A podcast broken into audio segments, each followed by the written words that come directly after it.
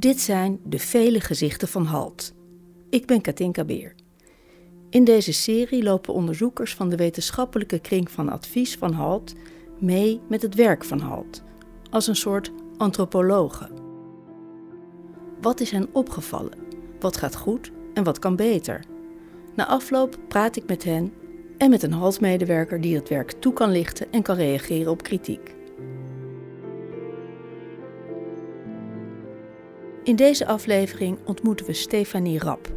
Zij is onderzoeker bij de afdeling Pedagogiek aan de Universiteit van Amsterdam en houdt zich bezig met forensische orthopedagogiek.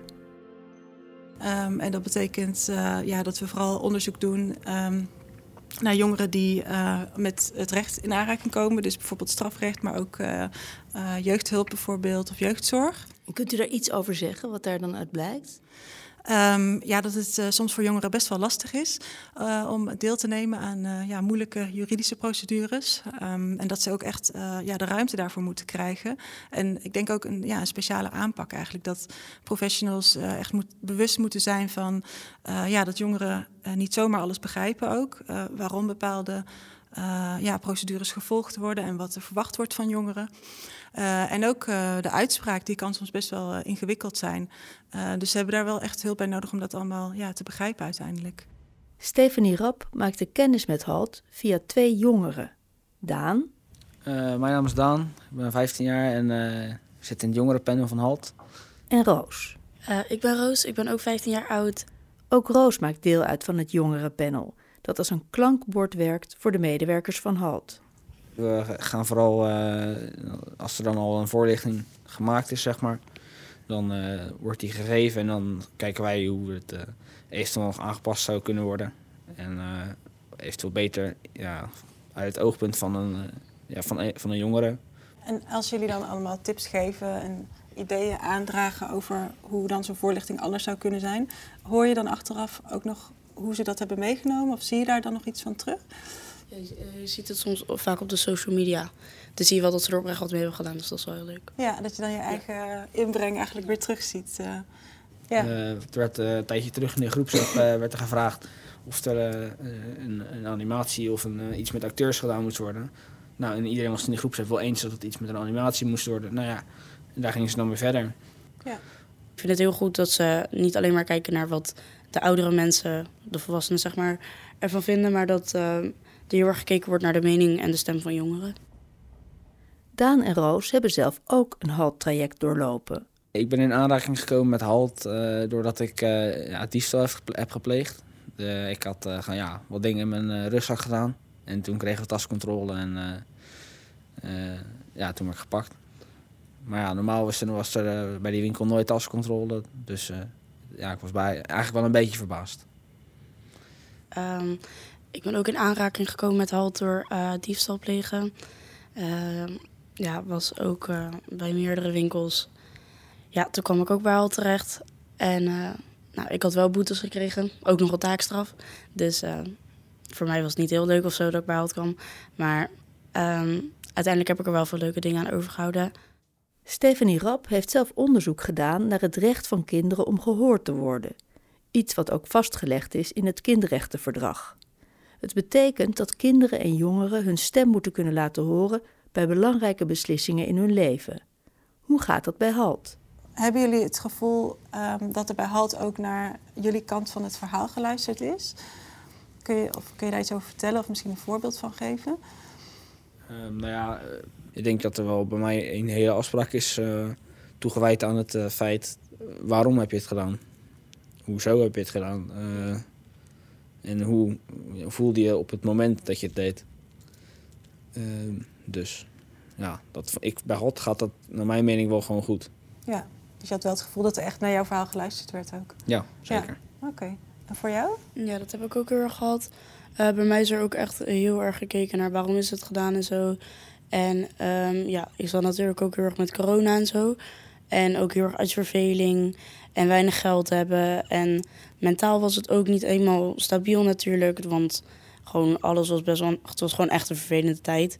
En daar is gelukkig heel erg naar gekeken, waar ik ook wel heel erg blij mee ben. En uh, ik heb er ook wel heel veel van geleerd. En uh, toen ik daar was, is me ook nog eh, een psycholoog aangeboden. En dus, er is een heel gesprek bij mij gevoerd en zo. Dus het is echt niet alleen dat ze je een straf geven, maar ze gaan ook echt zeg maar, verder kijken naar wat ook de oorzaak is dat je het hebt gedaan. En kijken naar jouw leefomstandigheden en zo. De halsmedewerkers zochten naar de achterliggende redenen van de diefstal, om te kunnen helpen bij het vinden van een oplossing. Maar niet alle instanties reageren met zoveel begrip.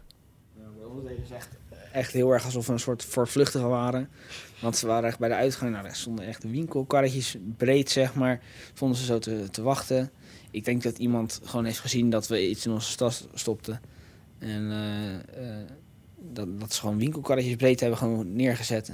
Als we een soort voortvluchtige criminelen waren die net een overval hadden gepleegd. Het was ook niet alsof ze zeiden van ja, het komt wel goed. Net ze, maar het was echt, nou, jullie gaan hier staan. En als jullie weg proberen te komen, dan heb je echt een nog groter probleem en dit en dat. Nee, het was echt heel dramatisch. Ja, overdreven eigenlijk. Ja. Ja, ja. Daan en Roos hebben het idee dat jongens en meisjes door winkelmedewerkers en politie verschillend worden behandeld. Tegen meisjes zijn ze vaak wat liever of zo, ik weet niet. Want ze hebben echt wel ons heel lief behandeld. Ze hebben wel gewoon, wel gewoon serieus met ons gedaan en zo, maar het was echt niet dat het... Ja, ik denk echt wel dat ze wat strenger zijn bij jongens. Ja, vind je dat terecht? Nee, nee ja, ik vind iedereen moet gewoon gelijk behandeld worden. Want ik heb zelf de keuze gemaakt. Hij heeft zelf de keuze gemaakt. Het is toch eigenlijk gewoon precies hetzelfde. En ik heb nog veel meer gestolen dan hij ook. Dus ja.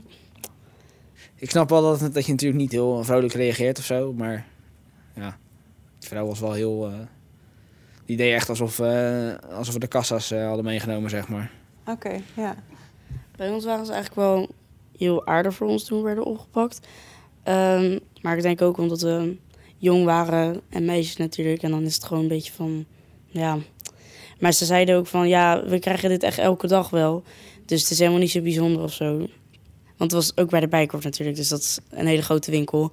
Ja. Um, en ja, die man die uh, uiteindelijk met ons ging praten en zo daar, die ook werkte bij de Bijkorf, de beveiliging zeg maar, die was wel heel erg aardig. Hij zei het komt goed, bla bla, was echt heel erg lief voor ons wel. In eerste instantie moesten ze allebei naar de politie. Toen werden we meegenomen achter het politiebusje naar, uh, in eerste instantie naar Dordrecht, want daar zat de recherche. Want uh, de, mannelijke politieagent die uh, wou per se niet naar Halt, die wou per se naar de recherche. Dat, wat eigenlijk een beetje onzin was. Ik moest letterlijk in een cel zitten waar andere mensen zaten ook, die letterlijk gewoon echt heftige dingen hadden gedaan. Want ja, ik moest ook letterlijk al mijn spullen uitdoen. Ik mocht niet eens een BH aan hebben, niks. Toen moest ik daar gaan zitten, heel erg lang. Ik dacht, waar ben ik nou weer beland? Ik moest ook al mijn vinger afdrukken en zo. Dus dat was bij mij echt wel heel serieus. Ik voelde me echt een crimineel opeens. Ja. Want ik liep dus allemaal mensen die uh, echt heftige dingen hadden gedaan. Maar politie is ook echt wel best wel anders dan halt. Ja. Het was ook heel raar, want de advocaat... Ik en mijn vrienden hadden allebei een andere advocaat of zo. Die moest ook helemaal komen, die moest ons verhoren. En er werd letterlijk gez gezegd van zoveel mogelijk ontkennen en liegen en zo. Ik dacht, hè? Want tegen mijn vriendin is letterlijk gewoon gezegd... lieg gewoon totdat, totdat ze je weg laat gaan of zo. Oh. Dat is ook heel raar. En um, ja... Uiteindelijk mochten ze naar Halt. En hoe was dat toen je bij, eenmaal bij Halt was? Uh, hoe, hoe voelde je je toen behandeld? Ja, toen wel echt een stuk beter. Ja, het was een heel rustig gebouw gewoon. Er liepen niet echt mensen of zo. En toen moest ik gewoon naar een beetje zo'n kamer, maar dan veel kleiner. En moest ik gewoon met die vrouw praten. En dat was toen voelde ik me weer gewoon een beetje een normaal persoon die eigenlijk gewoon op een gesprekje kwam. Ja. Ja, dat was heel anders weer. Ja, dat je met die vrouw ging praten, had ik allemaal online. Dus dat ja. was wel gewoon, je zit dan thuis, het is gewoon lekker je, je eigen kamertje. Dus ja, je voelt je dan, ik voel me dan een stuk prettiger als daar op het politiebureau ergens. Ja. ja. Je kunt je natuurlijk afvragen of Halt niet te soft omgaat met jongeren. Maar Daan en Roos vinden de aanpak werken. Ja, ik denk dat als ja, dat echt gewoon er wel vooral kinderen naar Halt gestuurd moeten worden, ja. Ja, dat... En dat, ja, want dat is echt een stuk beter voor kinderen. En ja. daar leer je ook veel beter van. Om gewoon oprecht diepgaand erop in te gaan dat je echt gestraft wordt. Want kinderen leren vaak niet echt van een strafstraf, zeg maar. Ja. Maar wel als je er echt, zeg maar, hulp voor krijgt. Roos moest wel op gesprek komen met haar moeder erbij. Ja, het was wel veel natuurlijk. Want je schaamt je best wel ervoor. En ook, ja, maar het was wel gewoon fijn ook gewoon dat aan je moeder. Dan heb je toch uitgelegd ook waar je moeder bij is. Die snap je dan ook wat meer. Ja, inderdaad. Ja. Roos heeft naast de begeleiding ook boetes gekregen en een taakstraf. Maar doordat ze bij Halt kwam, kreeg ze geen strafblad. Ik dacht echt van nu krijg ik gewoon een strafblad. Ehm, en dat zou ik ook helemaal niet zo raar vinden. Maar ja, dus ik ben er eigenlijk wel gewoon blij mee dat ze wat milder zijn. ja. En, en wist je wat de gevolgen waren voor jou als je um, een strafblad zou krijgen? Uh, ja, mijn moeder werkt bij de reclassering, dus die, die vertelt mij dat soort dingen wel vaak over haar cliënten en zo die ook een strafblad hebben. En dat het echt heel moeilijk is om werk te krijgen en zo. Niet dat ik me heel erg zorgen erover maakte, alleen wel van als ik nu een bijbaantje wil of zo. En ik ben 15 en ik heb nu al een strafblad, dan gaan ze me denk ik niet aannemen. Ook Daan is opgelucht dat hij naar Halt kon. Maar er blijkt wel iets te zijn wat hij nog vindt missen in de begeleiding een keuze aan de ouders geven of zij nog met de haltmedewerkster of medewerker wilt praten oh ja. over uh, het vervolg, zeg maar. Zonder hun kind erbij? Zonder kind erbij, zeg maar. Ja, oh ja, een gesprek met ouders alleen. Ja. Ja, uh, ja dat het gewoon, hoe moet je nu met je kind omgaan, als het ware? Ja. Want uh, die zijn natuurlijk, mijn ouders waren best wel boos voor mij. Ja. Maar ja, hoe, hoe wil je het nu aanpakken daarna? Blijf je boos? ga je het vergeven, wat dan ook? En daar kunnen haltmedewerkers denk ik ook wel gewoon goed bij helpen. Ja, ja dat is wel een goede tip eigenlijk. Ja. Want mijn moeder wist bijvoorbeeld niet hoe ze daar nou mee om moest gaan. Ja. En, ja. Dus misschien was het voor jou al fijn geweest als je moeder nog een keer gesprek had gehad met Halt. Ja, mijn moeder liet graag mijn vader over. En mijn vader die, uh, ja. die deed maar wat. Die gokte er maar wat op. Achteraf vertelt Stephanie Rap hoe ze het gesprek heeft ervaren en wat haar het meeste opviel. Ja, ik, ik, verbaas me toch ook altijd wel weer over ja, soms de, ja, de hardheid waarmee kinderen behandeld worden. Vooral het verhaal van, uh, van Roos dan. Um, dat ze ja, door de politie is opgepakt, in, in een cel heeft moeten zitten als 14-jarige. En wat, dat dat toch heel veel indruk maakt. Uh, dat merkte je ook echt aan haar. Dat, wat ze daar zag en wat ze meemaakte. Uh, ja, dat ze de schoenen uit moest doen, de spullen af moest staan. Ja, dat maakt zoveel indruk. En ze heeft natuurlijk ook ja, strafbare feiten gepleegd. Uh, dat ontkende ze ook niet. En dat zijn ook dingen waar, ja, waar je verantwoordelijkheid voor moet nemen. Um, maar of dat dan in zo'n systeem moet waarbij je dan meteen eigenlijk ja, je wordt echt als verdachte behandeld natuurlijk. En, en ik vraag me af in hoeverre dat dan anders is als wanneer je 18 bent. Uh, de manier waarop dat dan gedaan is. En dat, ja, dat hoor je natuurlijk heel vaak. Dus dat, in die zin verbaast het niet, maar ik vind het wel ja, erg dat dat zo, uh, dat dat zo gebeurt. En bij, bij Daan ook wel. Hij vertelde ook dat hij eerst naar de politie moest en dat er gezegd werd van ja, je wordt gestraft. En ja, er worden dan dingen gezegd die zij dan op dat moment denk ik ook niet zo goed kunnen plaatsen, niet goed kunnen begrijpen. Uh, en dat vertelde Roos ook. Van ja, ik moest met een advocaat praten die ik helemaal niet kende. En er werd gezegd dat ik moest ontkennen of moest liegen.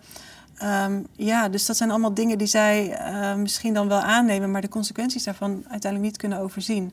Dus dat, ja, dat is eigenlijk wel, denk ik, niet hoe het zou moeten zijn als je met kinderen te maken, met jongeren te maken hebt, ook in het jeugdstrafrecht. Over hoe Daan en Roos zijn behandeld door HALT is ze wel positief.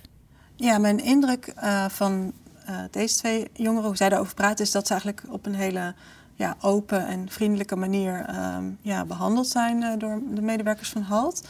Um, en dat zij zich um, ja, dat ook op een prettige manier eigenlijk ervaren hebben, die gesprekken met HALT en, de dingen die ze moesten doen in het kader van HALT. dus in die zin denk ik dat dat ja, op een inclusieve manier gebeurt. Um, maar misschien dat, niet, dat dat niet gebeurt door alle partijen in het uh, strafrecht of het jeugdstrafrecht. Um, uh, dus dat, dat je als jongen misschien toch al meer als een uh, gevaar wordt gezien. Of van, nou ja, die moeten we echt aanpakken. En dat meisjes misschien nog als iets ja, minder schat, schattiger of minder ja, bedreigend. bedreigend worden gezien. Dus dat is iets wat eigenlijk ja, wat meer neigt naar iets wat, wat minder inclusief is misschien. Inclusiviteit is het thema waar Stefanie Rap speciaal op moest letten. Ook daarover is ze tevreden, wanneer ze kijkt naar de haltrajecten van Daan en Roos. Ze gaven wel aan dat ze zich door uh, bij HALT betrokken zijn, te zijn geweest, die afdoening te hebben gehad, dat ze zich daardoor niet per se gestigmatiseerd hebben gevoeld of het idee hebben dat er nu anders naar hen wordt gekeken omdat ze HALT gedaan hebben. Uh, dus dat is wel een positief punt, denk ik. Zelfs het feit dat jongeren voorlichting krijgen, helpt volgens RAP bij een inclusieve benadering. Op die manier worden kinderen geïnformeerd over wat wel of niet strafbaar is en voorbereid op wat de consequenties daarvan kunnen zijn. Zo kunnen ze bewustere keuzes maken. Er is wel één ding waar ze zich zorgen over maakt. Om bij halt te kunnen komen, moeten jongeren hun delict bekennen. En dat kan, afhankelijk van je culturele achtergrond, soms lastig zijn. Um, en daar zijn ook wel vaker vragen over gesteld. Van, uh, uh, ja, als je van verschillende culturele achtergrond bent, uh, hoe ga je dan om met dat je bijvoorbeeld je straf moet bekennen? Um, hoe ga je om met, met je ouders en, schaamte die je voelt? Zij gaven zelf ook al aan dat ze ja, zich ook wel ja, beschaamd voelden ten opzichte van hun ouders en ook ten opzichte van slachtoffers. maar kan, ja, kan iedereen daar even goed mee omgaan? Ook misschien vanuit andere ja, opvoeding of, of culturele achtergrond. Um, dus ik denk dat daar wel um, ja, dat het belangrijk is om daar aandacht voor te hebben. Ook denk ik in het kader van HALT is dat belangrijk. Ook volgens Daan zouden jongeren die moeite hebben om een delict te bekennen, welkom moeten zijn bij HALT. Ja, ik denk juist wel. Ik denk juist dat HALT ze daarmee dan zou moet helpen en ondersteunen.